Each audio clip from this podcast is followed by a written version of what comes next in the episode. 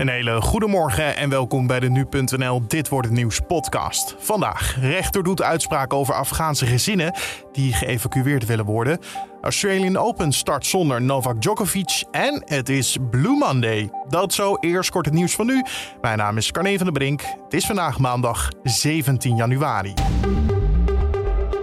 Mogelijk is er opnieuw een onderzeese vulkaanuitbarsting geweest bij Tonga. Volgens het waarschuwingscentrum voor tsunamis zijn er grote golven in het gebied waargenomen.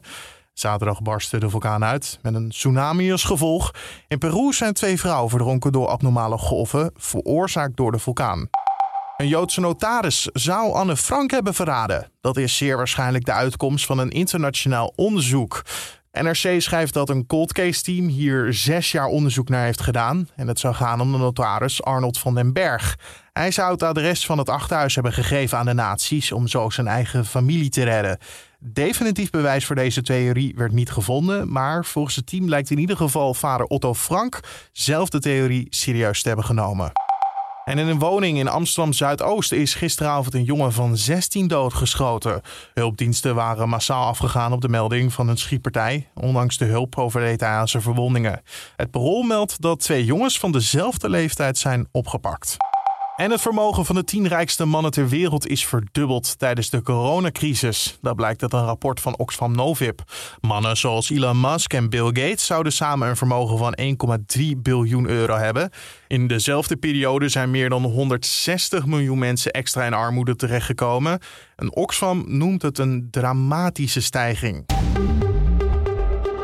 Dan over naar de dag van vandaag, oftewel dit wordt het nieuws. De rechter doet schriftelijk uitspraak in het kort geding dat vier Afghaanse gezinnen hebben aangespannen tegen de Nederlandse staat.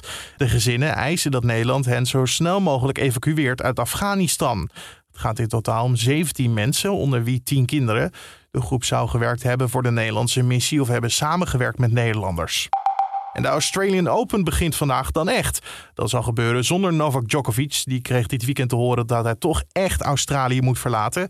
Hij krijgt dus geen visum en hij kan dus ook niet proberen om voor de tiende keer de Australian Open te winnen. De finale mannen-enkelspel wordt op zondag 30 januari gespeeld. De finale vrouwen-enkelspel is een dag eerder op zaterdag 29 januari. En vandaag staat bekend als Blue Monday. Dat zou de meest deprimerende dag van het jaar zijn. Meestal valt deze dag op eh, de derde maandag van januari. De reden eh, hiervoor zijn dat de dagen nog steeds erg donker zijn en de vakanties nog ver weg lijken. Bovendien is maandag de eerste werkdag van de week voor velen en komen mensen rond deze datum tot de conclusie dat hun goede voornemens voor het nieuwe jaar mislukt zijn. Tot zover de agenda. Dan het weer van Weerplaza. Wouter van Bernebeek praat je bij. De dag begint in het oosten en zuidoosten nog met wolkenvelden en misschien wat lichte regen. Maar dat trekt snel naar Duitsland weg. En er volgt verder een fraaie dag met geregeld ruimte voor de zon. De meeste zon is weggelegd voor de westelijke helft van het land. En het blijft verder overal droog. De middagtemperatuur loopt hoog op voor de tijd van het jaar met 7 of 8 graden in het binnenland tot lokaal 10 graden langs de kust. Komende nacht neemt de wind geleidelijk in kracht af en dat betekent dat er tijdens opklaringen opnieuw wat mist kan ontstaan. En die mist kan morgen met name in het midden en zuiden van het land lokaal hardnekkig blijven hangen.